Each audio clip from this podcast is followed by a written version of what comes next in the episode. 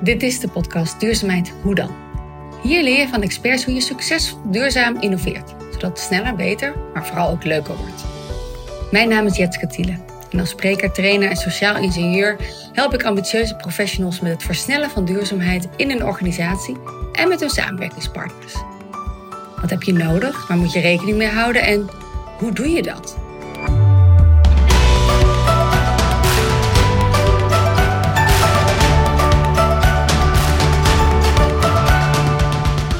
Gesprek met Ruben Jacobs, socioloog, docent op de HKU in Utrecht, mede-initiatiefnemer van Fossielvrij en schrijver van het boek De Eeuw van Felix.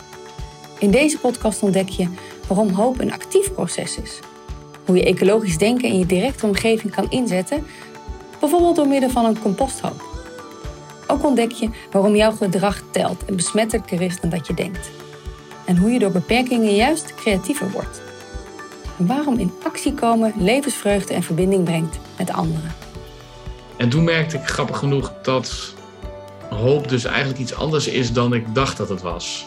dus dat hoop niet een soort van ja, optimisme is over de toekomst of het idee van het, kan nog, het, komt nog goed.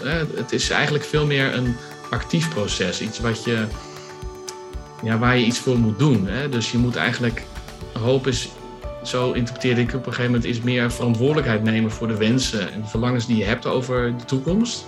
Door er zelf actief aan vorm te geven.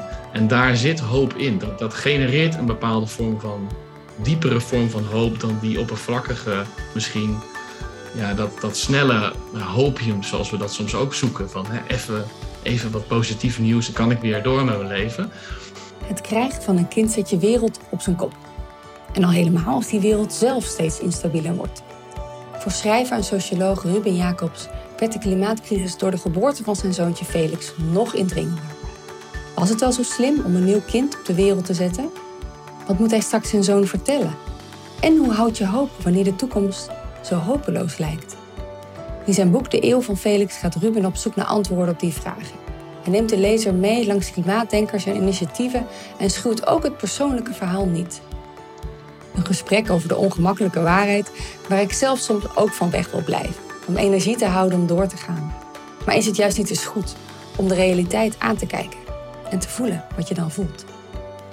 In ons gesprek voor deze podcast nam hij me mee met zijn twijfels, zijn onzekerheden en overpijzingen. Van naast de barricade staan bij Extinction Rebellion. Dat het aansluit bij burgerinitiatieven zoals een zorgtuin, lokale voedselgemeenschap en initiatief nemen voor fossielvrij onderwijs.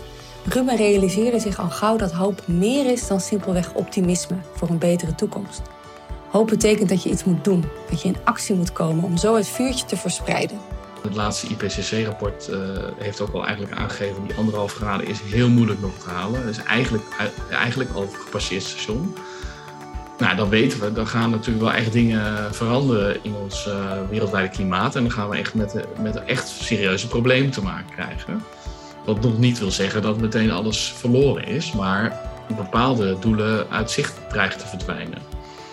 Dan moet je ook realistisch zijn ten opzichte van jezelf en tegen anderen. Van ja, er staat ons wel echt wat te wachten. Alleen het heeft wel zin om nog wat te doen, want elke graad of elke tiende graad minder is er een minder en dat is minder lijden. En dus, maar goed, dat is nog steeds natuurlijk niet iets wat misschien, uh, ja, hoe zeg je dat nou, een inspirerend perspectief is. En toen kwam ik op een punt op een gegeven moment ook, en dat beschrijf ik al in het boek, dat ik dacht van, misschien moet ik wat minder bezig zijn met waar ik hoop kan vinden of wat ik hoopvol vind in de wereld. Maar moet ik zelf wat meer gewoon gaan doen. Ruben heeft mij geholpen de processen te benoemen die onder water wel spelen. En vast niet alleen bij mij, maar wellicht ook bij jou. Jij die met duurzaamheid bezig bent, nieuwsgierig is en soms zoekende, misschien door meer en meer erin te duiken soms pessimistisch wordt. Hierbij wat kracht en aanmoediging. We moeten doorzetten, zelfs als we niet zeker zijn van de uitkomst. Ik doe met je mee. Veel plezier met het gesprek en ik ben erg benieuwd naar wat jou raakt waar je herkenning in vindt of een nieuw inzicht op doet.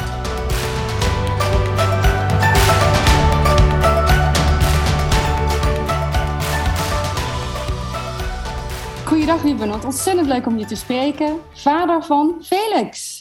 Ik heb hier het boek bij me. Gefeliciteerd met het boek en de lancering. Hoe is het met je? Ja, goed.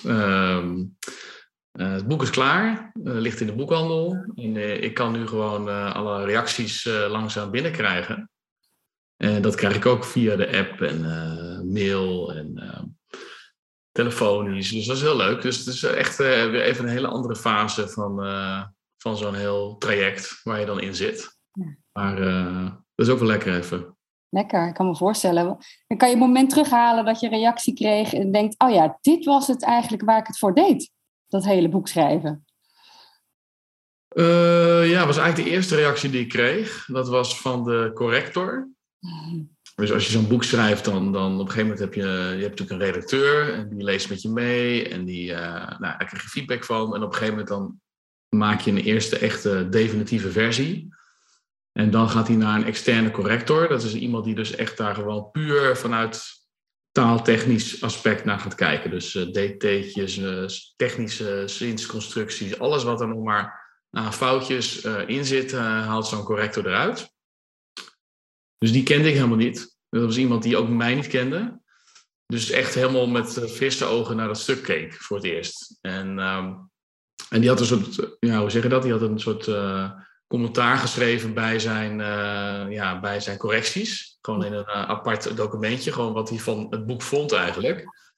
En dat was eigenlijk gewoon min of meer precies wat ik had gehoopt ergens dat iemand ervan zou vinden. Dat hij, er, dat hij eruit had gepikt. Um, dus dat gaf me wel een soort van vertrouwen van, oh ja, dit, blijkbaar zit ik wel op de goede weg. Of in ieder geval heb ik wel een soort hoop dat dit uh, bij meer mensen zo uh, wordt ervaren. Oh, fijn. Fijn om dat dan uh, terug te krijgen. Op dit. Ook al was het misschien niet per se de doelgroep, maar misschien uiteindelijk toch weer wel. Ja, nee, maar het is toch altijd wel spannend. Want je weet nooit precies ja, of datgene wat je had gehoopt ook echt, um, ja, dat, dat mensen dat ook zo oppikken, dat het zo wordt ervaren. Dus het is altijd wel even spannend op het moment dat je dan echt uh, ja, uh, het aan mensen gaat laten lezen die even helemaal niet in het proces betrokken zijn geweest. Want ook al voor redacteurs is het ook zo, als je helemaal een tijdje al meeleest, ga je ook met, met mij meedenken. En dan ja, is het toch al, ben je al niet, heb je niet meer die afstand eigenlijk, die, die een, uh, ja, een kerstverse lezer gaat hebben als hij je boek leest. Want dat is wel wat voor de meeste mensen het geval is. Die pakken een boek uit een boekhandel en de meeste kennen, kennen mij misschien, misschien wel of helemaal niet. Dus dat is toch een hele andere uitgangspositie. Ja, nou, het is wel leuk om dat te zien, want ik merkte zelf, wij volgen elkaar, uh, in ieder geval ik volgde jou via social media en altijd erg geïnteresseerd in de dingen die je schreef. En in één keer was, oh, er komt een boek uit, wat leuk, weet je wel. Dus, dus, ik, dus ik was al getriggerd natuurlijk. Uh, dus ik, ik, zat al een beetje in het algoritme, om het zo maar te zeggen. Maar ik kende heel veel, ik vind het heel leuk om met jou er vandaag over te hebben, over de inhoud uh, van het boek sowieso. Maar ook, wat ik heel erg leuk vind, is het feit dat jij het hoe dan concreet maakt. Dus oké, duurzaamheid, goed om daarover te analyseren en te filosoferen. Ehm, en, maar hoe geef je daar dan vervolgens invulling aan? Nou, dat doe je sowieso vanuit, vanuit jouw vak uh, en vanuit het lesgeven uiteraard. Maar ook door het vervolgens daar een concreet boek van, van te maken. Wat was daar de aanleiding voor om, om sowieso boeken te gaan schrijven? Jouw motivatie? Nou, het echte verhaal is ik bedoel, ik, had, ik wilde altijd al boeken schrijven. Ik heb hiervoor ook twee kleinere boekjes geschreven. Ehm, dus dat was wel iets wat ik al langer um, ja, ambieerde of, of graag deed. Uh, maar in dit geval werd ik benaderd door de uitgever. In dit geval was het de bezige bij. Uiteindelijk ben ik dan, is het uitgegeven bij Thomas Rapp, maar dat is onderdeel van de bezige bij. Met de vraag eigenlijk op basis van columns die ik schreef voor Brainwash het podium van de Human uh, website.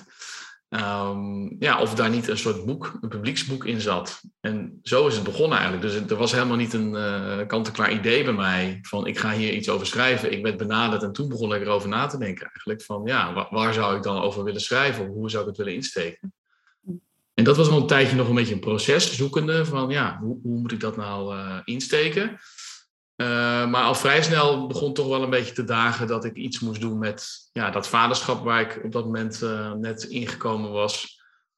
En ja, als een soort van leidraad in de zoektocht die ik al jaren wel mee bezig ben met betrekking tot, tot hoe schrijf je over dit thema, hoe, hoe communiceer je erover, hoe, hoe krijg je ook andere mensen nou ja, geïnteresseerd in dat onderwerp. Ehm, als een manier van ja, een insteek die ik nog niet had gedaan. Een hele persoonlijke eigenlijk. Dat, dat, dat was tot nu toe nog niet echt uh, aan bod geweest. En dit leek wel de perfecte aanleiding te zijn. Want het werd ook heel persoonlijk natuurlijk. Uh, met een kind. Uh, en dan veranderen er toch dingen die je van tevoren misschien niet helemaal had voorzien. In de manier waarop je je verhoudt tot, ja, tot dit ja, probleem kun je het op zijn minst wel noemen. Ja, probleem inderdaad, groot gelijk. Dat sowieso. Ja, en je zegt het wel mooi, van goh, het is uiteindelijk ook een hele persoonlijke uh, boek uh, geworden. En echt een inkijkje in, jouw in jouw leven, in jouw afwegingen, in, in de twijfels misschien wel, of in de zoektocht. Heel mooi hoe je dat omschrijft. En um, ik, ik, dan ben ik toch wel meteen benieuwd eigenlijk. Ik wilde eigenlijk dat later doen, maar nu denk ik, nu we er toch in zitten. Je, jij omschrijft namelijk ook een heel belangrijk moment um, waar jij op straat staat tussen heel veel andere mensen. Een heel indringend moment. Zou, zou je die misschien kunnen omschrijven, wat daar, wat daar met jou gebeurde?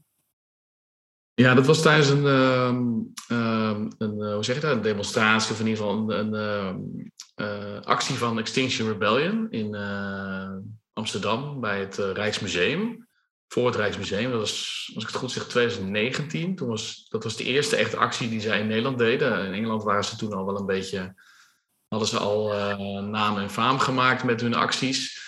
En toen kwam er ook een Nederlandse nou, uh, sectie, een Nederlandse dependance die uh, actief werd. En uh, toen was de eerste actie dat ze bij het Rijksmuseum gingen, ja, dat, die weg daar gingen blokkeren eigenlijk met z'n allen. En, nou, ik, ik was inmiddels al op de hoogte van wat ze deden. En ik was inmiddels al wel een punt bereikt dat ik ook een beetje soort de wanhoop uh, nabij was over um, ja, ons onvermogen om met die uh, ecologische crisis uh, om daar adequaat op te reageren als samenlevingen.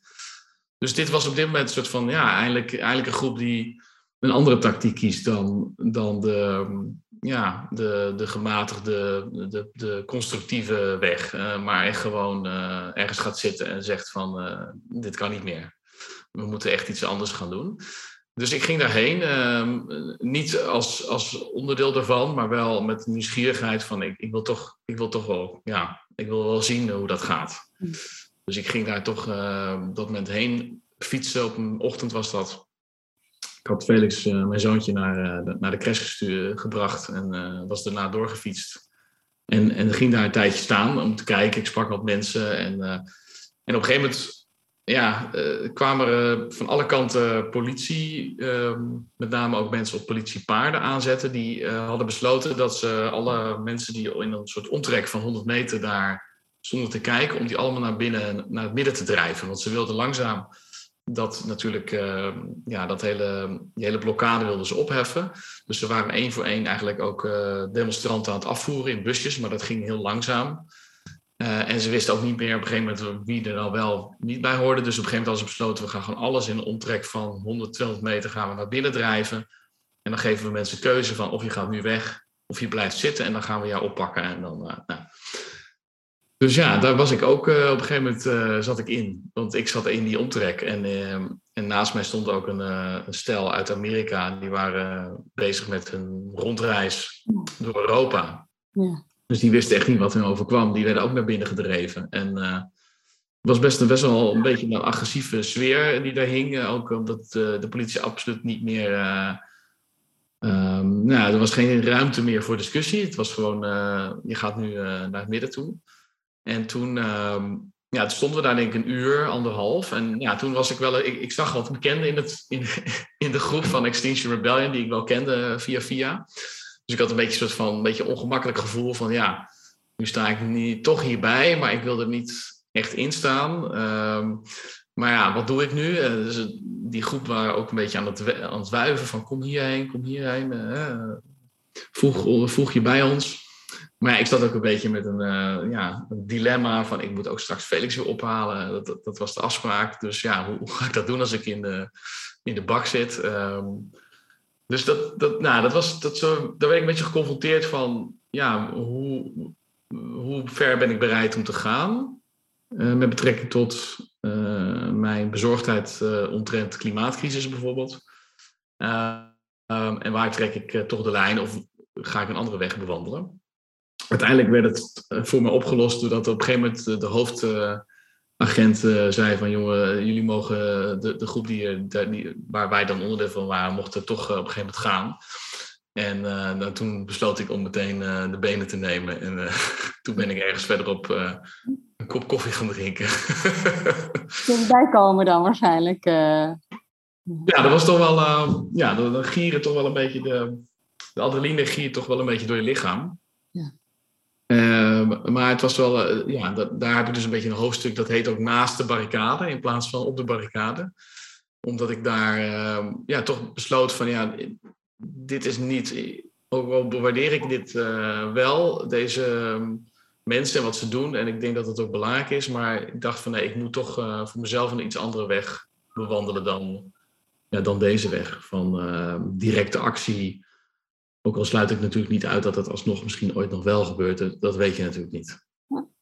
Ik vond, het net een heel treffend moment hoe je dat ook omschreef. Van goh, aan de ene kant, hè, je, je, je voelt sympathie of een empathie zelfs. En zou misschien zelfs ook wel mee willen doen. Maar ook ergens voel je alsof het dus uh, wordt kiezen. Dus ik ben even benieuwd naar jou, vanuit jouw sociologische bril. als socioloog, van hoe, hoe kijk je daar nu op terug? Hoe, dat is dit is natuurlijk een situatie die iedereen in het dagelijkse leven meemaakt. Ook al is het dan niet weliswaar met een demonstratie bij het Rijksmuseum, maar uh, dat kan ook aan de koffietafel zijn of in de kantine of bij de bakker. Hoe, hoe kijk je daar vanuit, vanuit, jou, vanuit die bril daar nu op terug? Nou ja, ik denk dat, dat dit in extreme vorm wel natuurlijk uh, blootlegt van ja, dat er bij dit, uh, dit vraagstuk natuurlijk allerlei ongemakkelijke keuzes zijn. En, en momenten waarop je moet beslissen van hoe ver wil ik uh, gaan, wat, wat, wat, ben ik bereid misschien een beetje op te offeren, of in ieder geval op het spel te zetten. Hè, in dit geval was het ook een beetje een soort van ja, ben ik dan zo'n activist, weet je wel? Gaan mensen me dan ook zo zien als, als zo iemand? Uh, heeft dat dan invloed op mijn andere activiteiten of niet? Hè? Dus dat soort dingen spelen in je hoofd. En dat speelt denk ik op veel kleinere schaal, op veel meer momenten eigenlijk, bij heel veel mensen. Van, uh, het is natuurlijk een, uh, ja, als je in een bedrijf werkt of een organisatie en je, bent, je wil daar iets doen, dan zit je ook constant af te wegen, ja, wat voor effect heeft dit als ik dit doe? Heeft dat invloed op mijn baan of, of hoe collega's naar me kijken? We zijn natuurlijk door en door sociale wezens en we zijn constant met elkaar bezig. Uh, van hoe kom ik over op een ander? Wat doet de ander? Um, ga ik mezelf isoleren hier of niet? Uh, en en dat, dat laatste vinden we over het algemeen heel vreselijk. De meeste mensen vinden dat heel moeilijk om um, het gevoel te krijgen dat ze niet meer ergens bij horen of dat ze, ja, dat ze zich hebben geïsoleerd op een of andere manier. Ja. Dus dat soort afwegingen die spelen constant een rol in, dat, uh, in, ja, in, die, in de hoofden van mensen als het gaat om ook uh, allerlei afwegingen met betrekking tot uh, je inzetten voor die duurzame wereld. Um, maar ik denk, ja, voor mijn persoonlijke les is wel geweest van ik, ik, dacht wel van ik, ik moet wel iets bereid zijn op het spel te zetten. Ik moet wel het ongemakkelijk maken voor mezelf. De vraag is natuurlijk hoe ongemakkelijk. En mhm. waar, waar trek je dan voor jezelf ergens een lijn? Um, maar ik kan mezelf niet uh, in de spiegel aankijken met, met wetenschap dat ik helemaal niks bereid was om op het spel te zetten. Aangezien ik weet wat er op het spel staat. Uh, en dan, als je dat echt door laat dringen, dan, dan kan je niet ja, eigenlijk zeggen van, ja, ik vond het een beetje ongemakkelijk om te doen. Ik was bang dat mensen mij uh, uh, gingen zien als iemand uh, die ik misschien niet ben of wil zijn. Uh, ja, dus dat, dat is wel een soort van constante afweging die, die je dan maakt. Precies, en, en, kan jij omschrijven kort van wat dan wat, wat jou betreft op het spel staat? Dus wat is er aan de hand als je het hebt over de klimaatcrisis? Nou ja, ik denk dat ligt een beetje natuurlijk aan welke termijn je kijkt, van de komende 10, 20, 30 of de eeuw. maar ik denk in uiterste zin staat gewoon, denk ik, onze beschaving in zijn geheel op het spel. Uh, die zal natuurlijk morgen niet uh, verdwenen zijn. Maar die zal steeds moeilijker, onze manier van leven zal steeds moeilijker vol te houden zijn met de groeiende problemen uh, waarmee we worden geconfronteerd op allerlei vlakken. We hebben nu ook al in Nederland uh, een paar dagen geleden ook weer nieuws hè, dat het drinkwater steeds slechter wordt. Um, nou ja, zo zijn er natuurlijk tal van legio van voorbeelden van problemen die we in Nederland al hebben op dit moment, die allemaal wel gelinkt worden op een of andere manier aan onze omgang met de leefomgeving. van stikstof tot ehm, ehm, droogte, tot uh, allerlei extreme in weerspatronen, ehm, vervuiling. Nou ja, je, je, kunt het lijstje nog wel een tijdje door, uh, doorzetten. Dus ik denk uiteindelijk staat ja, de hele stabiliteit van onze leefwereld ja, ter discussie. En, en uh, ja, hoe dat dan precies eindigt, dat is moeilijk te voorspellen natuurlijk. Ja. Maar naarmate je verder komt in de tijd uh, en naarmate mijn zoontje opgroeit, zal het een steeds onstabielere wereld worden die met steeds grotere problemen wordt geconfronteerd. Uh, die uiteindelijk ook echt de gezondheid van hem en zijn mede-generatiegenoten op het spel zet. Dus in die zin staat alles op het spel. Uh, maar dat zal niet morgen meteen zover zijn, maar dat zal een glijdende schaal zijn. En, uh, en hoe minder we doen, hoe erger dat wordt natuurlijk. Ja, je zegt het ook wel mooi. Hè? We hebben het vaak over nog even milieutechnische aspecten. Hè? Dus inderdaad over de gezondheid en uh, onze leefomgeving. Um, maar het gaat dan dus verder dan dat. Dus op een gegeven moment dan op gegeven moment ook de sociale problematiek die er dan bij hoort. Of het, hè, het, het, recht van gezondheid, of inderdaad gewoon drinkwater, of materialen. Dus dan ga je toch ook weer naar dat sociale van hoe onze beschaving er dan uiteindelijk uh, daar zich toe gaat uh, verhouden. Ja, en natuurlijk ook de, de conflicten die dat gaat opleveren. Hè? Dus, dus, dus de conflicten rondom, ja, als we straks te weinig uh, goed water hebben of voedsel, ja, dan ga je op een gegeven moment, en dat laat de geschiedenis natuurlijk heel duidelijk zien, dan gaat er opeens strijd ontstaan tussen, tussen mensen ook. Om wie krijgt nog dat deeltje van gezond water en, e en voedsel. En ja, en dan wordt het natuurlijk wel heel grimmig. Ja, ja. En als we dan even van groot naar even naar heel klein kunnen gaan. uh, daar wilde ik natuurlijk eigenlijk mee beginnen. Maar ik ben toch even een detour uh, heb ik gehad inderdaad. Van, goh, wat is voor jou het voorwerp bij jou thuis? Wat symbool staat voor duurzaamheid voor jou?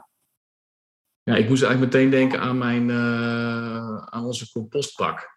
We hebben in de tuin een, uh, heb ik uh, vorige zomer uh, met allemaal oude pallets een compostbak gebouwd. En daar ja, laten wij alle, nou ja, alles wat erin mag aan afvalresten resten van eten, doen we daarin. gecombineerd met ja, al het groen uit de tuin. En dat moet je dan als een soort van lasagne idealiter op elkaar stapelen. Dus een beetje bruin afval uit de keuken en dan weer het groen afval uit de tuin. En dan heb je een soort combinatie tussen zuurstof, stikstof die ervoor zorgt dat je een gezonde uh, compost uh, ontwikkelt. Ja, eigenlijk dat doet zijn werk zelf. Hè? Daar hoef ik verder niet zoveel uh, voor te doen. Een beetje omscheppen af en toe. En dat vind ik wel een hele mooie, ook een metafoor voor, voor nou, nog niet eens duurzaamheid misschien, maar eerder ook een soort meer dat, dat regeneratieve gedachte. Hè? Dus dat je ook is niet iets minder schade berokkenen. Zo, zo zou je duurzaamheid ook wel soms een beetje kunnen zien. Je doet het, probeert het op zo'n zo min mogelijk schadelijke manier, uh, de dingen die we, die we doen. Is van, ja, hier genereer je eigenlijk ook van dood afval. Dat, dat wordt weer leven op een gegeven moment. Dat, dat wordt compost en dat genereert weer nieuw leven in je tuin. Hè? Dus dat uh, is een enorme goede bodem voor je, je planten. Voor je, als, je, als groente aan het verbouwen bent, is het ook uh, fantastisch. Dus het is, uh, je probeert ja, een beetje een deel van je eigen afval, probeer je daar zelf mee te dealen, in plaats van dat ergens in een bak te stoppen en het af te laten voeren. Je gebruikt het weer voor iets anders in je tuin. Uh, uh, en het is nog gratis ook. Ook wel fijne bijkomstigheid. een win-win in dit geval. Ja, op die manier inderdaad een mooie invulling aangeven. En dat is altijd leuk, want er zijn meer mensen die met composteren bezig zijn of überhaupt nadenken over de tuin hoe begin je dan, zo'n uh, zo'n project? Dat is altijd een grote uitdaging. Dus dan, uh, en dan is de vraag, waar, waar, je, waar je, haal je informatie vandaan om stap 1 te zetten? Dan ben ik wel benieuwd hoe jij dat, uh, hoe jij dat hebt gedaan. Ja, nee, dat, dat is natuurlijk ook altijd lastig. Van waar begin je? En dan wordt het altijd heel groot. Van ja, je moet zoveel dingen leren nog. En, ja, het, het, makkelijkste is toch inderdaad begin bij iets wat, wat, wat vrij simpel te doen is. Ehm, ik, ik las op een gegeven moment ergens een boekje, dat ging ook over, dat, dat heette De Tuinjungle van eh, Dave Coulson. Dat is een uh, ja, hele beroemde bijenprofessor in, in Engeland. Heeft veel over bijen, onderzoek naar bijen gedaan. En ja, het ook natuurlijk de problemen rondom de bijenpopulaties in veel landen. die heel erg aan het, dalen is. En de consequenties dat heeft natuurlijk voor onze ja, vruchtbaarheid, voor het, ja, het hoe zeg je dat? Ja, bestuiven en dergelijke. Ehm, en die schrijft in dat boek eigenlijk heel, ook heel praktisch, soort van aan de hand van zijn eigen tuin, hoe hij dat leven in zijn tuin probeert te vergroten, hoe hij een tuin probeert te creëren dat leven aantrekt in plaats van afstoot. En een van de dingen is, is de compostbak als zijnde van, het is een hele makkelijke manier eigenlijk. Je kunt gewoon met oud hout dat heel makkelijk, met eh, pellets bijvoorbeeld, in elkaar eh, knutselen. En je zet het op een goede plek in je tuin en je, uh, je hoeft daar alleen maar gewoon uh, je, je afval heen te brengen en een beetje om te scheppen. En dat is de eerste stap eigenlijk in een soort van ecologischer denken. Want, want het is een manier van ecologisch denken. Dat je uh, het principe dat je in de natuur eigenlijk geen definitief afval hebt. Alles moet ergens heen en wordt weer gebruikt voor iets anders in de natuur. Een boom die nou dood is, die is weer voedingsbodem voor zwammen en allerlei andere schimmels. Die langzaam zo'n boom verteren. En daar komt dan uiteindelijk weer nieuwe, ja, nieuw leven uit voort. Ja. En zo'n compostbak is gewoon een hele simpele manier die je ook dagelijks herinnert aan. Oh ja, zo werkt dat. En ik kan daar een beetje aan bijdragen. Dat is een soort hele makkelijke eerste in, instap in een soort van ecologisch denken in je eigen directe omgeving. Ja, ja zo mooi, want je maakt het daarmee ook, um, maar even de grote wereldproblematiek ook weer heel klein. Dus in de zin van, goh, hoe kan je daar op die manier zelf invulling aan geven? Je had laatst ook een artikel uh, uitgebracht over, over hoop. En uh, het is ook belangrijk dat we hoop houden. Maar ja, goed, het is allemaal heel leuk. De terminologie hopium, die las ik in jouw boek, die kende ik nog niet. Vind ik echt een hele goeie. Uh, want als ik, als ik hem goed vertaal, maar jij corrigeert me maar inderdaad, dat het eigenlijk altijd een, soort regel is, ook in, in de duurzame ontwikkelingswereld. Of uh, uh, dat, je altijd, dat je altijd ook uiteindelijk moet eindigen met hoop of met concrete handvatten. En, en dat doe ik dus ook. Dat herken ik ook heel erg. En dat is aan de ene kant fijn. En aan de andere kant bekijk ik dan ook naar mezelf van goh, um, dat is soms wel heel erg optimistisch. Mag het soms niet wel wat, wat kritischer of wat bozer of wat, uh, wat pittiger? Uh, omdat uh, de, de noodzaak steeds helderder wordt en prangender wordt. Maar dat, dat hopium, zeg maar, kan je daar iets over vertellen hoe je daar, hoe je daar naar kijkt?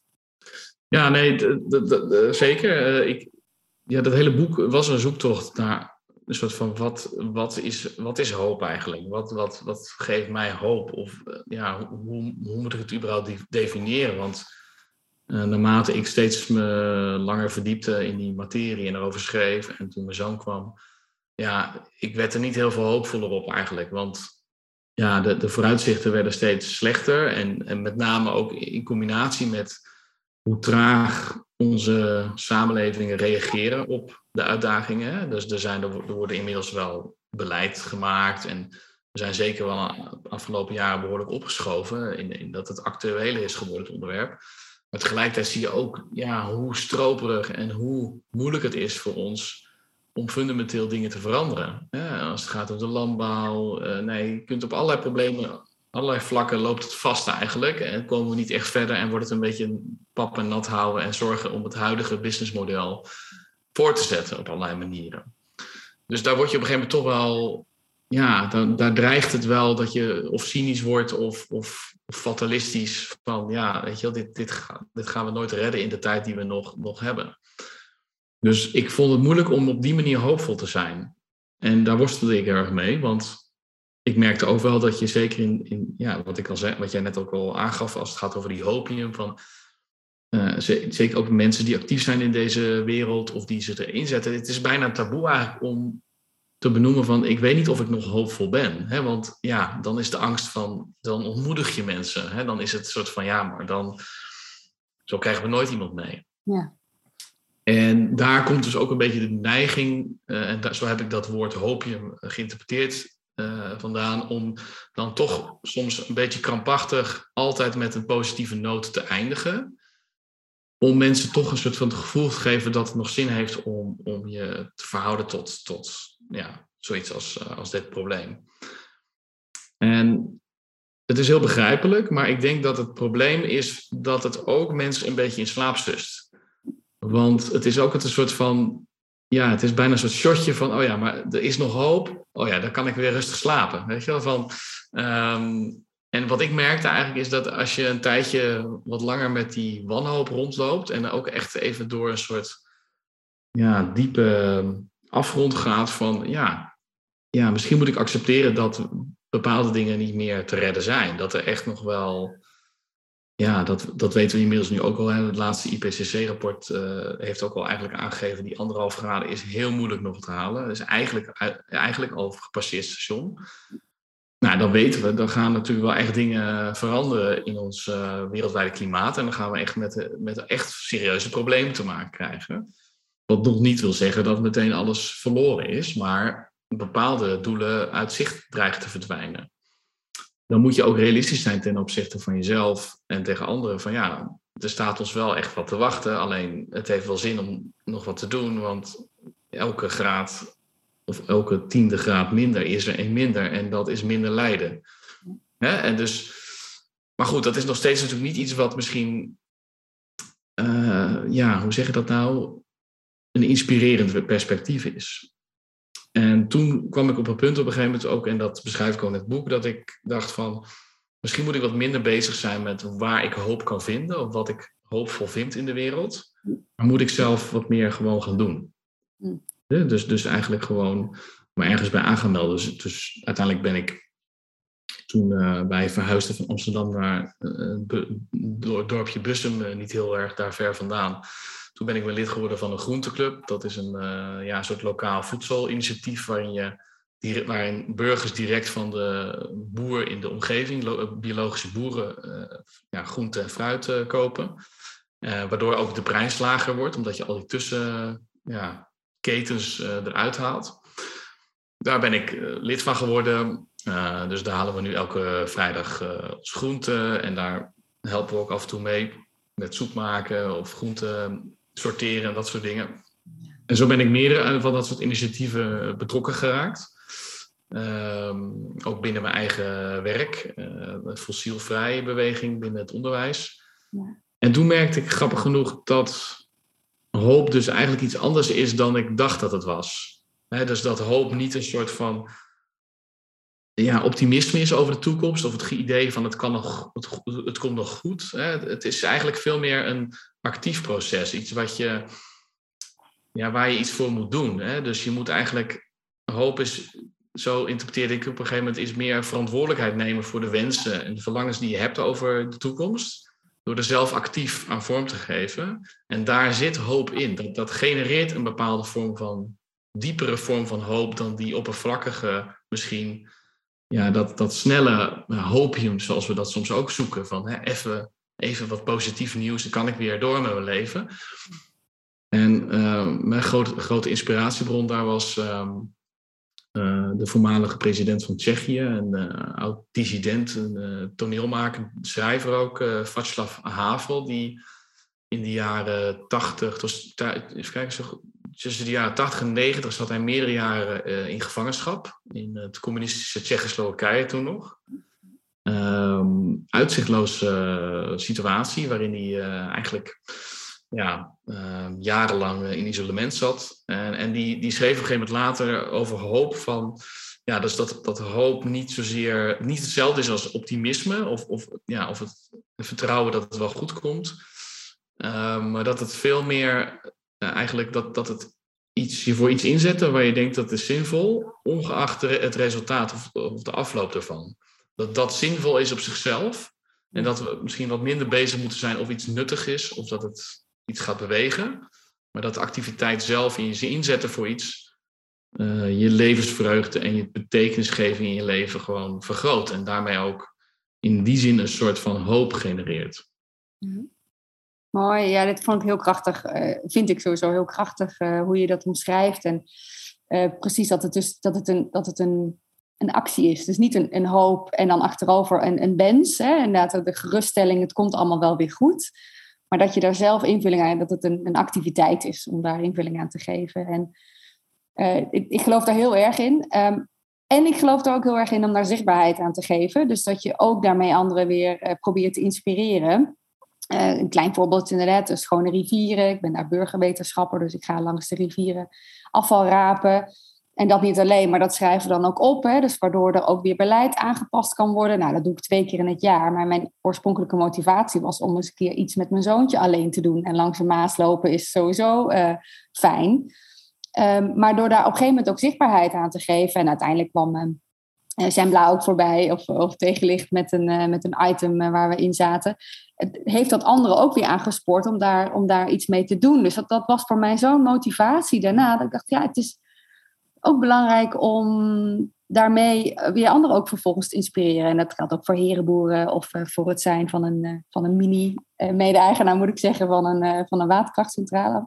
Maar, maar dat, dat is denk ik zo fijn als je op die manier ook wel concreet invulling kan geven, zonder je voorbij te gaan aan nog steeds de urgentie en de problematiek die er is. Ja, dus, dus, ja dat, dat is het precies. Je, je hoeft niet hoopvol te zijn om iets te doen. Hmm je moet het in die zin gewoon zo, in die actie, daar zit de hoop eigenlijk. Dus soms zitten we te wachten op, ja, heeft het zin om, om dit te doen? Is er een, is er een licht in de, ergens in aan de horizon? Heeft dat zin voor mij om dan daar iets aan toe te voegen? Nou, als je zo blijft redeneren, en ik heb dat ook lang gedaan, dan ga je niet zoveel doen. Want er is altijd wel genoeg ook uh, uh, uh, slecht nieuws of, of, of, of ja, ehm, hoe zeg je dat? Er zijn ook genoeg donkere uh, kanten aan die horizon die het jou steeds zeggen van ja, maar ja, ja gaat het wel lukken, weet je wel? Of ja, wat, wat, wat maakt mijn actie nou uit op het grotere geheel? En, wat je benoemt inderdaad over dat, dat mensen, dat, dat toch mensen, dat het ja, een soort van besmettelijk kan zijn. Dat je als je dingen doet, dat, ja, dat eigenlijk gedrag is, er is niks zoveel besmettelijk als, als gedrag. Mensen kijken veel meer naar wat jij doet, of wat wij doen, of wat een ander doet, dan wat iemand zegt. Wat je kan van alles zeggen over we moeten minder vliegen of uh, we moeten ons leven veranderen. Als jij dat in je eigen leven niet echt probeert, uh, ja, dan gaan mensen toch denken van ja, maar ja, blijkbaar is het dan toch niet zo belangrijk. Want ik zie jou zelf niet echt in je leven iets aanpassen. En ik denk dat dat volgens mij vanuit ook de, de sociologie of de sociale psychologie het belangrijkste inzet is. Is dat ja, gedrag wel degelijk telt en dat uiteindelijk gedrag toch besmettelijker kan zijn dan je denkt. Ook al zullen mensen niet de volgende dag meteen jou na gaan doen. Je zult toch merken dat als jij besluit iets te doen wat een beetje ja, pijn doet, wat even wat iets van jou vraagt. En dat heeft dan invloed op jouw kennissenkring, jouw vriendengroep bijvoorbeeld dat je zegt, ja, ik vlieg niet meer en opeens kan die vriendengroep niet meer naar, weet ik veel waar, vliegen met een vakantie of zo, dan wordt het allemaal lastig. Ja. Maar je houdt voet bij stuk, dan, dan durf ik toch te wedden dat als je twee jaar later bent, dat er steeds, dat er meerdere uit die groep uh, ook een beetje zijn opgeschoven jouw kant op. In ieder geval niet meer zo vanzelfsprekend is geworden om dat te doen, wat je daarvoor deed, dat gedrag. Of dat je iets gaat doen waar je denkt van, hé, hey, dat werkt aanstekelijk. Ik, ga ook, ik wil ook wel lid worden van zo'n uh, herenboer of uh, ja, ander initiatief. Ja, want om, die brug te slaan naar de, kracht van het samen, zeg maar even, maar ook de, de vonk ergens aan ehm, zetten. Je benoemde net al fossielvrij. vanuit jouw rol als docent in dit geval, ehm, heb je op een gegeven moment ook de stoute schoen is het verkeerde woord. Uh, heb jij op een gegeven moment ook een initiatief uh, opgepakt? Kan je daar iets over vertellen hoe dat is uh, ontstaan?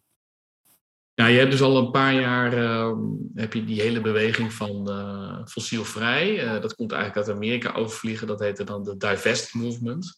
Ja begonnen ook aan universiteiten. Uh, waarin studenten... Even voor de, voor de luisteraar. Divest betekent dus, hè, dus het onttrekken van investeringen in, uh, in dit geval uh, fossiele brandstoffen onder andere, of vervuilende investeringen. Mm -hmm. ja. Ja, ja. dus eigenlijk pensioenfondsen, investeringsfondsen eigenlijk oproepen om het geld wat zij investeren in, in dat soort industrieën om dat te ja, de-investeren en ergens te herinvesteren in iets wat meer ja, toekomstbestendig is, om het zo maar te zeggen.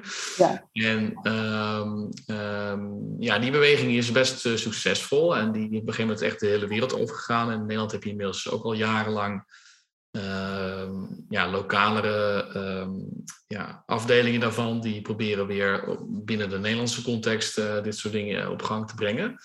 En een daarvan is fossiel onderwijs, fossielvrij. En ja, die waren al jaren bezig Dat kwam mondjesmaat van de grond. de laatste jaren begon je toch wel zien dat dat wel meer tractie kreeg. En dat wij op een gegeven moment ik werd eigenlijk benaderd door iemand binnen de, mijn onderwijsinstelling, de HKU, de Hogeschool voor de Kunsten, die, ehm, die al via via had gehoord dat ik ook al veel betrokken was bij dit soort zaken. En die zei, ja, wij willen eigenlijk een lokale groep beginnen van uh, fossielvrij Utrecht. Dus uh, Universiteit Utrecht, hogescholen.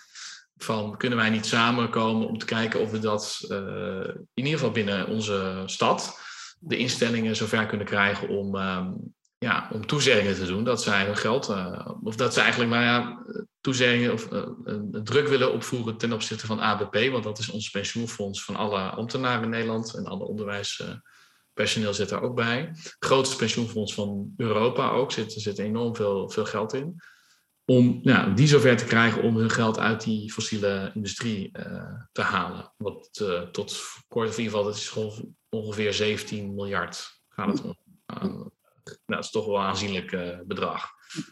Um, en zo zijn we eigenlijk begonnen met een groepje uh, wat is gaan nadenken van kunnen we iets van een actie opzetten waarin we eigenlijk vooral ook onze collega's, dus alle medewerkers, op de hoogte stellen van, want veel mensen wisten ook niet echt precies, ja je hebt een pensioensopbouw, maar waar, hoe dat geld wordt geïnvesteerd en waar het rendement vandaan komt ja, de meeste van ons hebben niet echt een idee. Uh, het is best complex ook. Uh, het wordt op heel veel dingen in, wordt er in, in geïnvesteerd en belegd. En, nou, dus wij wilden eigenlijk vooral ja, ook onze collega's daarvan op de hoogte brengen. Van, nou, wisten jullie dat? Ja, jullie, jullie vinden het heel belangrijk, hè, die duurzame toekomst. En vooral voor jullie studenten. Maar ja, ondertussen zijn jullie eigenlijk, zonder dat jullie misschien doorhebben, hun eigen toekomst aan het ondermijnen. Doordat er nog flink geïnvesteerd wordt in die industrieën.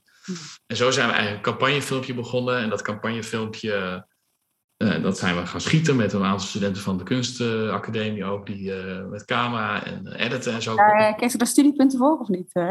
als, als project? nee, nee, dat niet. Maar ze, waren, ze, ze wilden ook zich, ja, ze vonden het ook belangrijk en ze wilden er wel voor inzetten. We hebben ze uiteindelijk wel een middagje op drankjes en zo getrakteerd. op het terras toen het uiteindelijk allemaal gelukt was. Um, maar het was allemaal vrij vrijwillig. En um, uh, het was nou, super dat ze dat wilden doen. En uh, dat ze ook een studentengevoel kregen van, ja, kijk, wij hebben nog geen pensioensopbouw. Maar ja, dit is wel ook, gaat ten koste van onze toekomst. Dus ja, wij kunnen dan misschien niet zelf als pensioenshouders iets doen. Maar we kunnen misschien jullie wel helpen daarin. Uh, dus zo zijn we toen uiteindelijk een soort campagnefilmpje gaan, gaan maken. En dat zijn we gaan verspreiden en uh, allemaal ja, petitie tekenen van uh, medewerkers om in ieder geval te tonen ook aan de bestuursvoorzitters van die instellingen van hey, er is echt wel in de achterban zijn er genoeg veel mensen die vinden dat dit uh, moet stoppen. En zo een beetje de druk opvoeren en daar was al vanuit verschillende andere kanten maatschappelijke druk aan het toenemen met betrekking tot dit vraagstuk van pensioensfondsen en hun investeringen.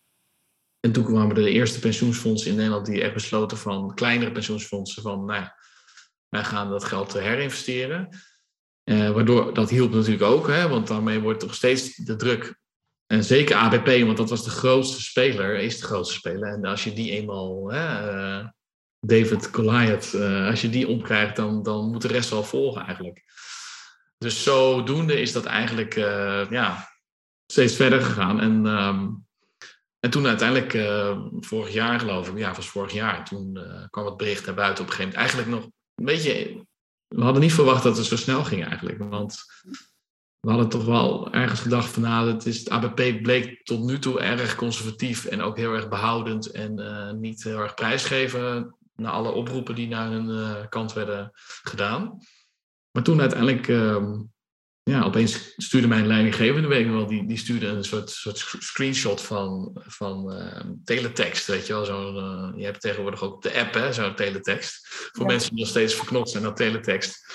Um, uh, met een bericht van ABP gaat zijn geld af, die, die, die 15 of 16 miljard of 17 miljard um, investeringen gaan ze in de komende jaren gaan ze herinvesteren. Dus dat was wel even een klein... Ja, wat dacht jij toen, toen je dat appje kreeg, binnenkreeg? Nou ja, toen dacht ik eigenlijk, ik, ik, het, was wel grappig, ik heb het ook in dat boek beschreven. Ik stond op het school, ja, de, de crash voor de crash. En er was toevallig die dag een soort ja, dat heette, dat kan ik me nog goed herinneren, Roel Beestenboel. Uh, was een soort kar met uh, um, allemaal uh, dieren erin. Hè, van een, een, aantal geiten en een pony. En dat was dan voor de kinderen, die konden dan met, ja, die konden dan een soort kinderboerderij kregen ze in het, op het schoolplein. Dus ik stond daar een beetje soort van net, net Felix afgeleverd. En, en toen las ik dat. En, Um, ja, toen stond ik toch wel even zo, ja, goh, het is gewoon gelukt. Uh, ja, ik kan het gewoon niet geloven. Het is gewoon. Fantastisch. We hebben dit in ieder geval deze slag gewonnen. En ik bedoel, er moeten er nog heel veel worden gewonnen. Maak me geen illusies, maar uh, dit was toch wel even een momentje van, gat, het kan wel. En het heeft toch zin als je als klein groepje, want we waren maar met echt een actief groepje, was echt misschien tien man. Um, en je, blij, je bent volhardend en je blijft schoppen en je best doen, kan het opeens toch heel snel gaan. Uh, want zo gaat het ook. Uh, dingen gaan heel traag tot ze snel gaan. En dan kan het opeens in een dag, ja, kan iets veranderd zijn. En, en dat geeft dan toch wel ja, moed om, uh, om verder te gaan, denk ik. Om te denken van ja, dit, dit, dit is ook wel heel fijn om zo'n succes. En dat moet je dan ook wel even vieren natuurlijk. Precies, want voor hetzelfde ga je meteen weer in één ruk door. Maar inderdaad ook niet vergeten even stil te staan met wat je tot nu toe hebt ervaren of hebt bereikt. Maar toch even benieuwd van wat je daarin hebt geleerd. Want ik, ben, ik weet niet of, dat, of je dat herkent, dat, uh, dat heel veel mensen wel willen. Uh, maar soms gewoon even niet weten precies wat, hè, hoe zit dat systeem in elkaar. Oh, hebben we invloed op ABP? Oh, gaat, hè, gaat daar zoveel in om? Um, wat heb jij geleerd in die, maar even die campagnevoering, um, wat je daarin zeker wel of, misschien wel niet uh, zou moeten doen? Um, nou, een aantal dingen. Ik denk, het eerste is wel, denk dat, dat ja, dit soort vormen van activisme, als je het zo noemen, of ja, uh, burgers die, die zeggen van uh, dit moet anders, of, of professionals.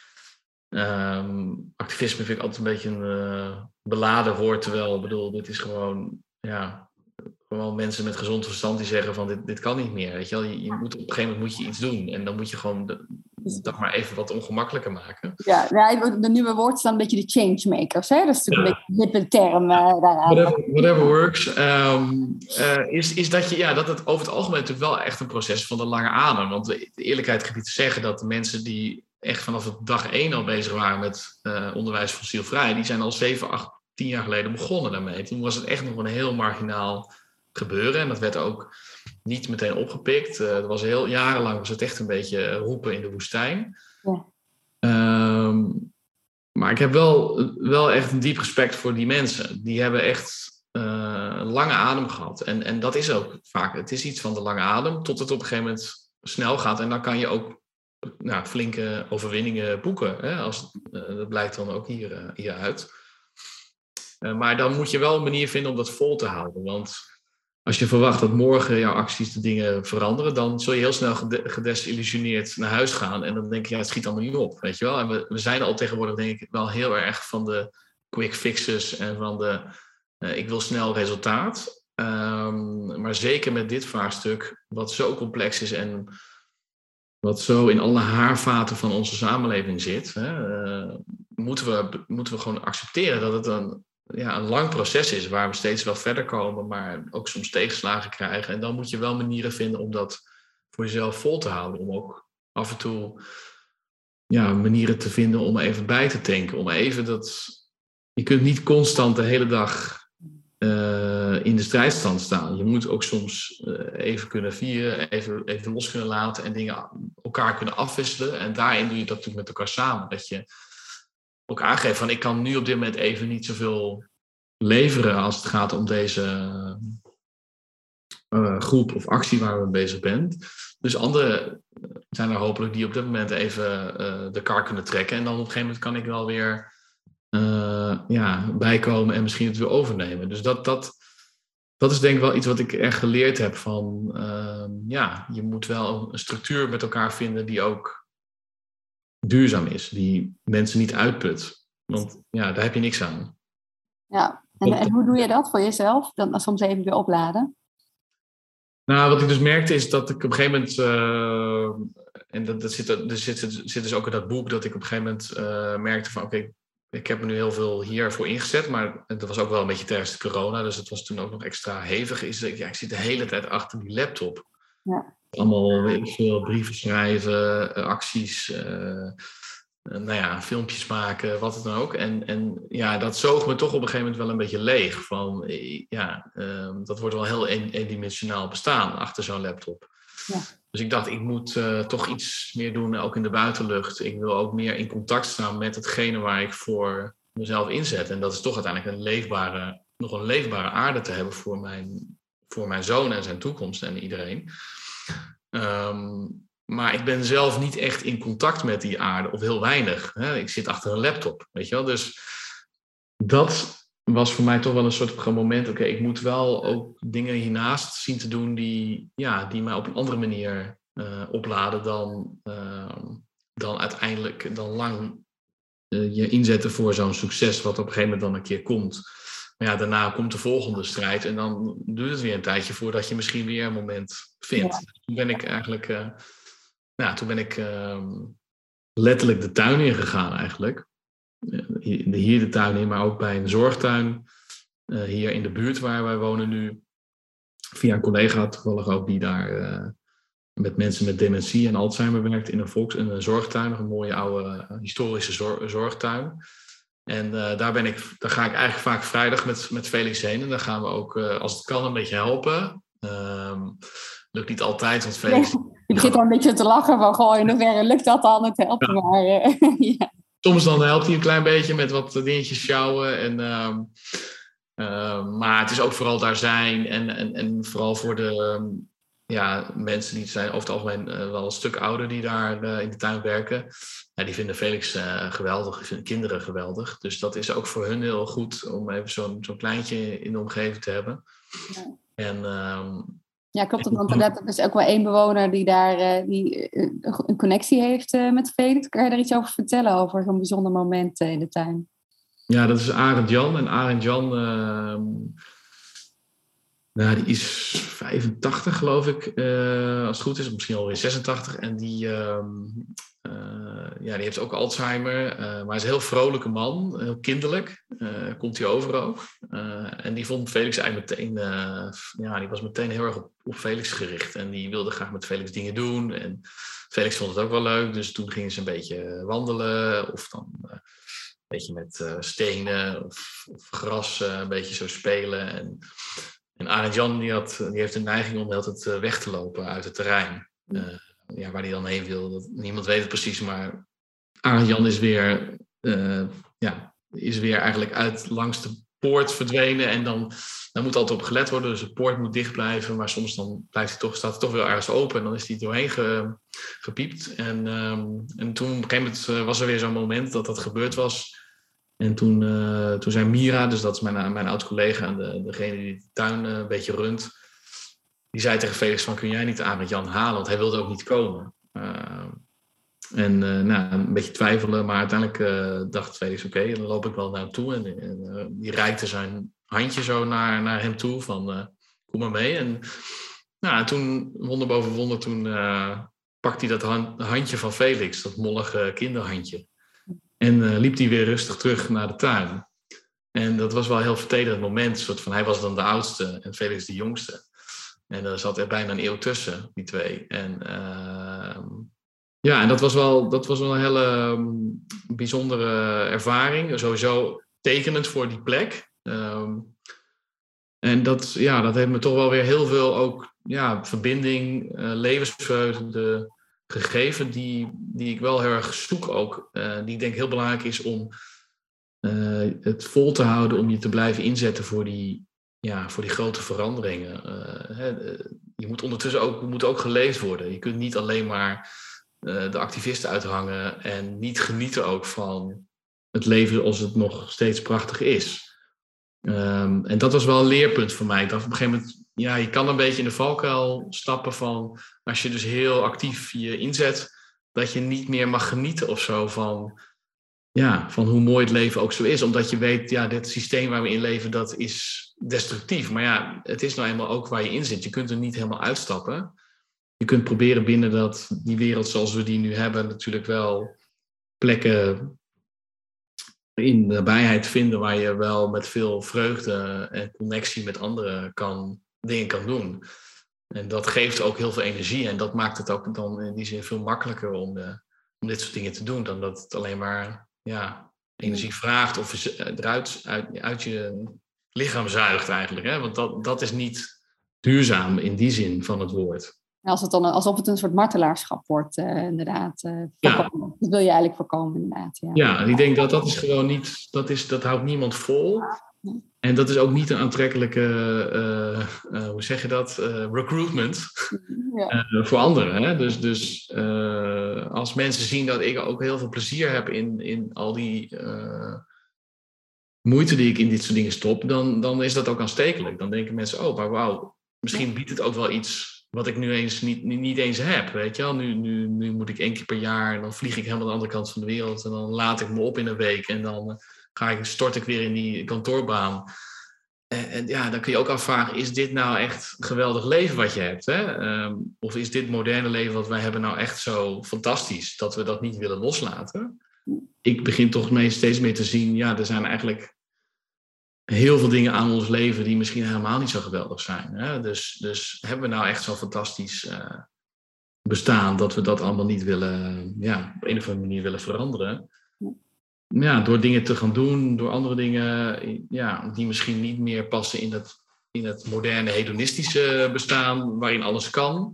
Dat wil niet zeggen dat het niet heel bevredigend kan zijn. Misschien juist wel veel bevredigender dan, uh, ja, dan één keer per jaar even die hele wereld over te vliegen om te ontspannen en dan weer door te racen in die red race. Ja. Uh, en nu zit ik gewoon elke vrijdag ben ik toch even een soort van op vakantie in die, in die moestuin. Want dat is, ja, dat is een heel andere tempo wat je daar hebt. En uh, buizers die over de, uh, over de tuin vliegen. Je, er is enorm veel leven daar. Um, en ja, ik dacht van ja, dat wil ik gewoon eigenlijk kijken of ik dat in het dagelijks leven kan incorporeren. Dan dat ik dat één keer, twee keer per jaar op een vakantie ervaar. Als ik ergens in Frankrijk, wat ook heel fijn is, daar niet van. Maar hè, dan dacht ik van ja, is dit nou iets wat ik maar twee keer per week of per jaar ervaar? Waarom kan ik dit niet vaker gewoon? Ja, ja, dat is een mooie wat je omschrijft. Van, hè, het gaat uiteindelijk over de kwaliteit van leven. En wat voor verlangen heb je dan eigenlijk? En wat voor verlangen heb je? En hoe kan je dat verlangen nou vertalen naar uh, het dagelijkse leven? Ik hoorde er iemand laatst van een voorbeeldje van. Die had altijd zo'n droom om, uh, om als schrijver op Bali te zitten. Dat was dan zo'n zo'n zo'n ideaalbeeld. En, en op een gegeven moment dat soort van omgebogen. Ja, maar hoe kan je dat nou dagelijks gaan ervaren of wekelijks? Of... En die gaat nu één keer in de zoveel tijd uh, een nachtje op een leuke plek in een hotel of een mooi natuurgebied schrijven. Ja, oh, dat is hetzelfde gevoel. Het gaat eigenlijk over op een, even op een andere plek met nieuwe inspiratie uh, tijd nemen voor mezelf. Dus het is ook wel interessant van waar, zit, waar zitten die verlangens en wat zit er eigenlijk onder. Hè? Dus, dus de, de, dat hoeft niet per se een Bali te zijn, maar dat kan ook op een andere manier ingevuld worden. En net zoals jij zegt, mooi de kleine dingen in de, in de eigen tuin überhaupt. Of in dit geval ook de zorgtuin uh, te zien wat daar eigenlijk gebeurt. Dat is natuurlijk wel heel mooi als je, dat, als je die brug kan slaan. Ja. ja, en het grappige is ook wel dat ik merkte dat op een gegeven moment had ik, hadden we dan besloten van wij stoppen met vliegen paar jaar geleden, of eigenlijk toen Felix kwam. Ja. En ja, dat is natuurlijk wel, was wel echt een, nou, het was niet makkelijk om te besluiten. Uh, daar ben ik eerlijk over. En het was even wel, ja, je moet even afscheid nemen van bepaalde zaken waar je dacht van dat daarvoor was dat allemaal geen, geen ding of dat, dat, dat wilde je allemaal doen. Ja. Maar ik, grappig is dat ik, en natuurlijk, soms dan zijn er nog steeds natuurlijk plekken op de wereld. Ik zeg niet dat ik nooit meer in een vliegtuig stap, maar in principe vlieg ik niet meer. Um, maar het grappige is dat ik, doordat je iets loslaat en even zegt van dat doe ik niet meer, word je, dwing jezelf eigenlijk om dus op een andere manier te gaan nadenken over vakantie, ook een beetje. En over waar, wat eigenlijk in de directere omgeving in Europa eigenlijk wel niet allemaal voor geweldigs te doen is. Dat is eigenlijk bizar. Wat je, eigenlijk heb je alles qua landschap wel, ook in Europa. Ja. Als, als je in Scandinavië en, en zuidelijke puntjes meerekent. Um, dat je dus in die zin ja, door jezelf eigenlijk iets, iets, te, iets los te laten, iets te zeggen van dat doe ik niet meer, dwing je jezelf dus ook eigenlijk om die andere manier op te zoeken. Dus ook hè, dat, dat, dat huisje ergens in Nederland en daar te gaan schrijven. Als je zegt, ik, ik, doe, ik, ik vlieg gewoon niet meer naar Bali, punt. Dan gaat dat vanzelf, ga je dat opzoeken eigenlijk. Dus je helpt jezelf in die zin ook een beetje om uh, verder te komen. Om, om ja, in de beperking, uh, volgens mij was het Goethe, die heeft dat ooit geschreven, in de beperking schuilt, de ware meester. Ja. dus je soms jezelf beperken kan juist ook heel veel vrijheid genereren, doordat je jezelf even bepaalde dingen ja, ontziet, of hoe zeg je dat, uh, loslaat. En dus moet kijken binnen de mogelijkheid die je hebt. En daarmee dingen dichter bij huis trekt en daardoor ook misschien toegankelijker maakt om het vaker te doen. En niet, ja, want ja, je gaat niet even elke maand naar Bali. Nee, nee en, en, creativiteit dus ook, als ik dat zo uh, mag vertalen. Ja. Dat gaat ook even aan. En dat vind ik wel leuk om dat bruggetje nog te maken, want je bent natuurlijk ook docent op de HKU. En uh, we hadden het een beetje over, hè, van goh, ja, doen, doen met wat er is. Zie je daar ook verschil in, in, in hoe studenten of in hoe docenten het onderwijs uh, invulling geven? Kan je daar een voorbeeld van geven? Uh, nou ja, waar we nu toevallig laatst tijd een beetje mee zitten ehm, spelen, is dat, ehm, dat je, ja, je, merkt, je merkt eigenlijk als student, als je zegt van, als je een open vraag stelt van, stel je een duurzame toekomst voor, ik zeg maar wat, ja, dan is het eigenlijk bijna onmogelijk voor ze om dat te doen. Ik bedoel, er zijn zoveel mogelijkheden en ze, ja, ze, komen dan of, of heel erg met toch wel een beetje clichés aan, die ze gewoon uit films zien, van Hollywood of iets dergelijks. De beelden die we kennen over een soort, soort high-tech toekomst. Of, nou, um, en als we dan zeggen bijvoorbeeld, uh, oké, stel je voor 50 jaar van nu, maar er zijn een aantal beperkingen. Er is geen internet meer. Ik zeg maar wat. Hè? Of er, je kan niet meer vliegen. Er is een uh, watertekort. Of, of, of uh, nou ja, je moet lokaal eten. Ja. Dan merk je opeens van dat ze gek genoeg door die beperkingen met heel veel creatieve oplossingen komen. Met, oh ja, oké, dat kan dus niet. Maar ja, als we dat dan zo doen, uh, dan gaan we dat zo combineren. Of, of zus en zo. En, en dat vond ik echt een enorme eye-opener. Ik dacht van, ja, we, het, geven van beperkingen in opdrachten, in uitdagingen, werkt vaak veel stimulerender dan een open, ja, ga maar, je, the sky is the limit-achtige.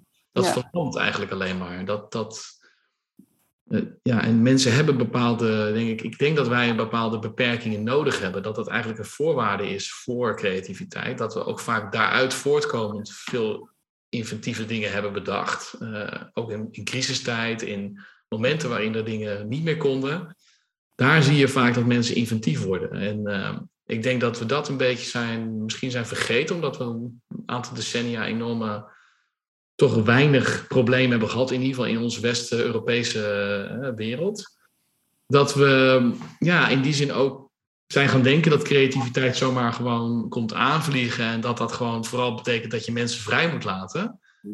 Terwijl, ja, ik denk juist dat het toch uh, eerder andersom is. Dat je juist echt duidelijke kaders en grenzen moet stellen. Van hier binnen moet het gebeuren. Dit zijn de middelen die je hebt. Uh, en dan worden, ja, in ieder geval dan merk ik bij mijn studenten, ik denk dat dat eigenlijk voor iedereen zo geldt, dan word, dan word je getriggerd van, dan wordt het spannend. Dan wordt het een soort van, oké, nu, nu moeten we echt even de hersens kraken. Want, ja.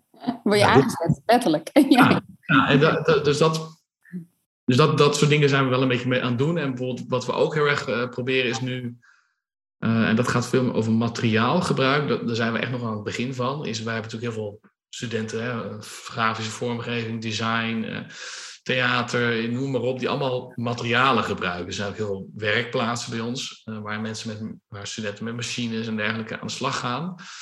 En ja, die materialen moeten ergens vandaan komen natuurlijk. En het was heel lang het idee van, ik heb een idee en ik ga het materiaal erbij zoeken.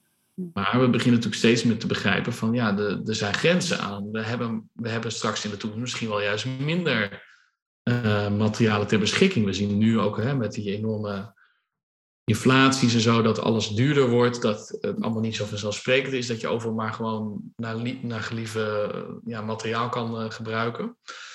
Is dat we eigenlijk proberen eigenlijk ook een beetje naar een soort cultuur te gaan van dat je vanuit materiaal gaat denken in plaats van een idee en dan materiaal erbij zoekt. Maar dat je kijkt, wat hebben we aan materiaal beschikbaar en wat, wat kan dat, ja, wat kan ik daaruit creëren? Wat, kan het, wat roept het bij me op? Wat voor associaties heb ik ermee? Wat zie ik voor me? En dat het ook een enorme creativiteitsbooster kan zijn om zo te denken. Uh, want ook hier geldt weer vaak, van studenten lopen ook vaak heel snel vast op. Ja, ik moet iets nieuws bedenken, iets origineels. Ja, dat is, ja, weet je wel, wat is nog origineel? Weet je wel? Is, is er überhaupt zoiets als puur origineel? Of is het altijd een combinatie van dingen samenbrengen, dingen hercombineren, um, remixen, hoe je het wil noemen? Ja. Dat het ook, ook verlammend kan werken. En dat je, als je gezegd hebt, dit is wat jullie te beschikken hebben, ga maar nadenken wat je hieruit kan uh, ontwerpen eigenlijk. Dat, ja. Maar dat die omdraaien, dat omdraaien ook, uh, denk ik, heel goed kan werken. Um, maar goed, het is nog wel een cultuuromslag waar we ook nog wel doorheen moeten. Nou, mooi, maar wel, wel goed om dat te zien dat dat, dat, dat die manier ook invulling geeft. En creëert ook, uh, ook vanuit je vak, hè? Vanuit, je, vanuit je professionaliteit ook. En daarmee ook de nieuwe studenten, de nieuwe generatie begeleiden daarin. En als ik een beetje mag afronden, als je het hebt over, nou, wat, wat zou je nog heel graag willen meegeven aan die professional die met duurzaamheid bezig is?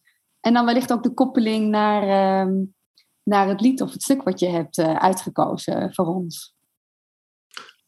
Um, nou, ik denk dus, wat mij betreft, is dan waarschijnlijk het belangrijkste is, is ja, dat we, als het gaat over duurzaamheid of, ecologischer of circulair denken, hoe het allemaal wil noemen, is dat het niet alleen maar een soort van, ja, dit is nou eenmaal wat we moeten doen, want dingen die we zo zoals we nu doen, doen die, die zijn niet uh, duurzaam en die, die berokkenen schade op allerlei manieren aan onze leefomgeving.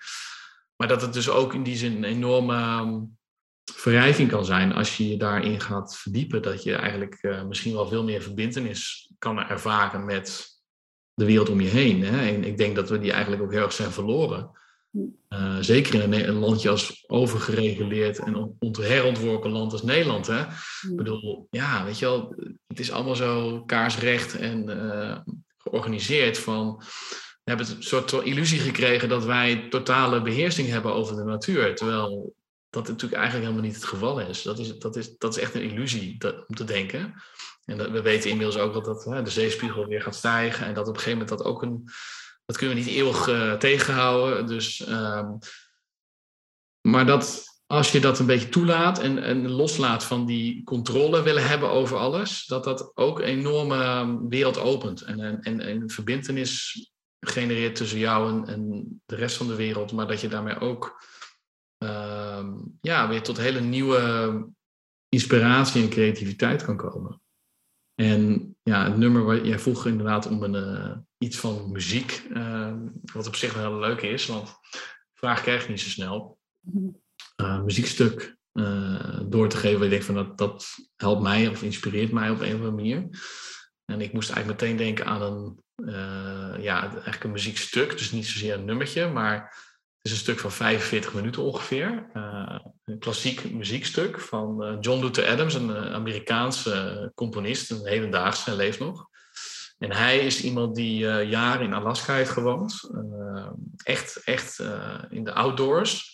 En die heeft zich heel erg laten inspireren door ook zijn liefde voor, voor wilde natuur. en dat hoor je dus ook heel erg terug in zijn muziek. En, en het stuk waarmee hij beroemd is geworden is Become Ocean. Dus wordt een oceaan, waarin hij eigenlijk gepoogd heeft om de oceaan, dat hele gevoel van die overweldigende oceaan waar je je echt nietig in kan voelen als je daarin zwemt. Uh, en die zoveel groter is dan wij. Hè? De, de, de planeet is meer water dan land. Hè? Uh, als je daarover nadenkt, ja, we zijn echt in die zin meer eilandjes op een grote zee dan, dan andersom. Um, dat heeft hij geprobeerd om ja, tot leven te wekken in een soort soundscape. Waarin je, waarin je een, nou, eigenlijk drie orkesten zijn die tegen elkaar inspelen. Die die soort van die, die, ja, die cadans van de zee, hè, van, van golven die komen en gaan. En, en een zee die wilder wordt en weer rustiger wordt. Om die soort van in dat muziekstuk te krijgen. En ik denk dat hij daar heel goed in is uh, geslaagd. Het is een heel bijzonder stuk, wat ook heel mooi is. En ook onheilspellend tegelijkertijd. Uh, want dat is ook de zee. De zee kan je ook gewoon, ja, gewoon totaal uh, vernietigen. Want de zee is gewoon heel sterk. Hè? Dat, dat weten we denk ik ook wel, wel eens een keer een storm hebt gezien. Ehm, maar het is dus ja, een muziekstuk wat je eigenlijk het beste. Uh, want het idee was eigenlijk dat hij dat wilde laten opvoeren in, in, in muziekzalen. Alleen muziekzalen zijn helemaal niet ingesteld op drie orkesten die oh. tegen elkaar inspelen en dan het publiek in het midden zit. Dat was, zijn, dat was zijn wens eigenlijk. Um, alleen veel, veel zalen kunnen dat gewoon niet organiseren. Dus hij zei: Het grappig is dat eigenlijk als je een goede koptelefoon hebt en je zet het gewoon op en je gaat liggen in je woonkamer of waar ook. En je laat het echt eventjes, gaat gewoon echt eventjes naar luisteren, dan is dat nog het beste. Um, dus dat, dat wil ik iedereen aanraden om het muziekstuk. Je kunt het uh, op Spotify luisteren of op YouTube geloof ik ook luisteren. Ja, ik zal het linkje er ook even bij zetten bij de show notes. Het is een goede dat we eigenlijk iedereen ja. de opdracht geven natuurlijk de tuin in te gaan. Hè? Lekker vieze handen te maken of uh, sowieso in contact met de natuur te zijn. Maar anders ook zeker uh, dit te gebruiken als een rustpunt enorme onderdompeling eigenlijk. Uh, en ik vind dat hij dat heel uh, ja, knap heeft gedaan eigenlijk, uh, om je dat gevoel te geven.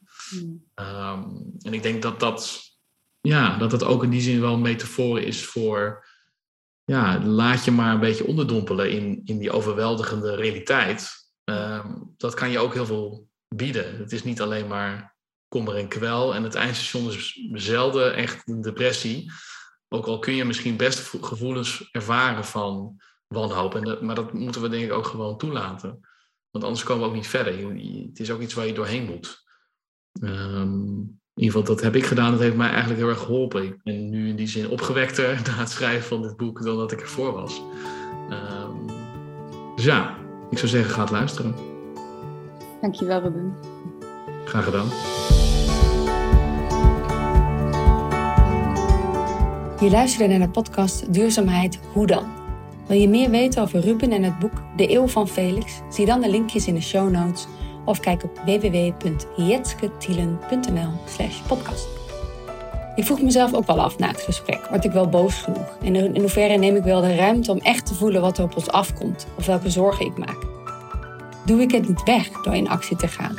Helpt het mij beter om vaker stil te staan wat ik voel en wat er echt aan de hand is? En dat ruimte te geven zodat ik vol hopium weer aan de slag kan met de lezingen, trainingen en de sessies die ik doe met mijn klanten. Ook ik ben Becoming Ocean gaan luisteren en heb me volledig ondergedompeld in de realiteit, inclusief de gevoelens van wanhoop. Maar goed om ze toe te laten, anders komen we niet verder. Ik ben heel benieuwd hoe jij het ervaart. Abonneer je vooral op deze podcast, zodat ook andere mensen makkelijker deze inspiratie kunnen vinden. Of stuur het door naar iemand die het nodig heeft. Wat neem je mee uit het gesprek? Ik ben heel benieuwd. Stuur me dan een berichtje. Via Instagram of LinkedIn, altijd erg leuk. Wil je een stapje verder invloed hebben op de vraag of zelf suggesties doen voor gasten? Word dan onderdeel van het Duurzaam Vlechtwerk Netwerk. En door het e-book te downloaden en opgenomen te worden in de app. Ga daarvoor naar www.jetsketiele.nl slash podcast. Voor nu dankjewel voor het luisteren en veel ontdekplezier in jouw reis richting duurzaamheid. Graag tot de volgende.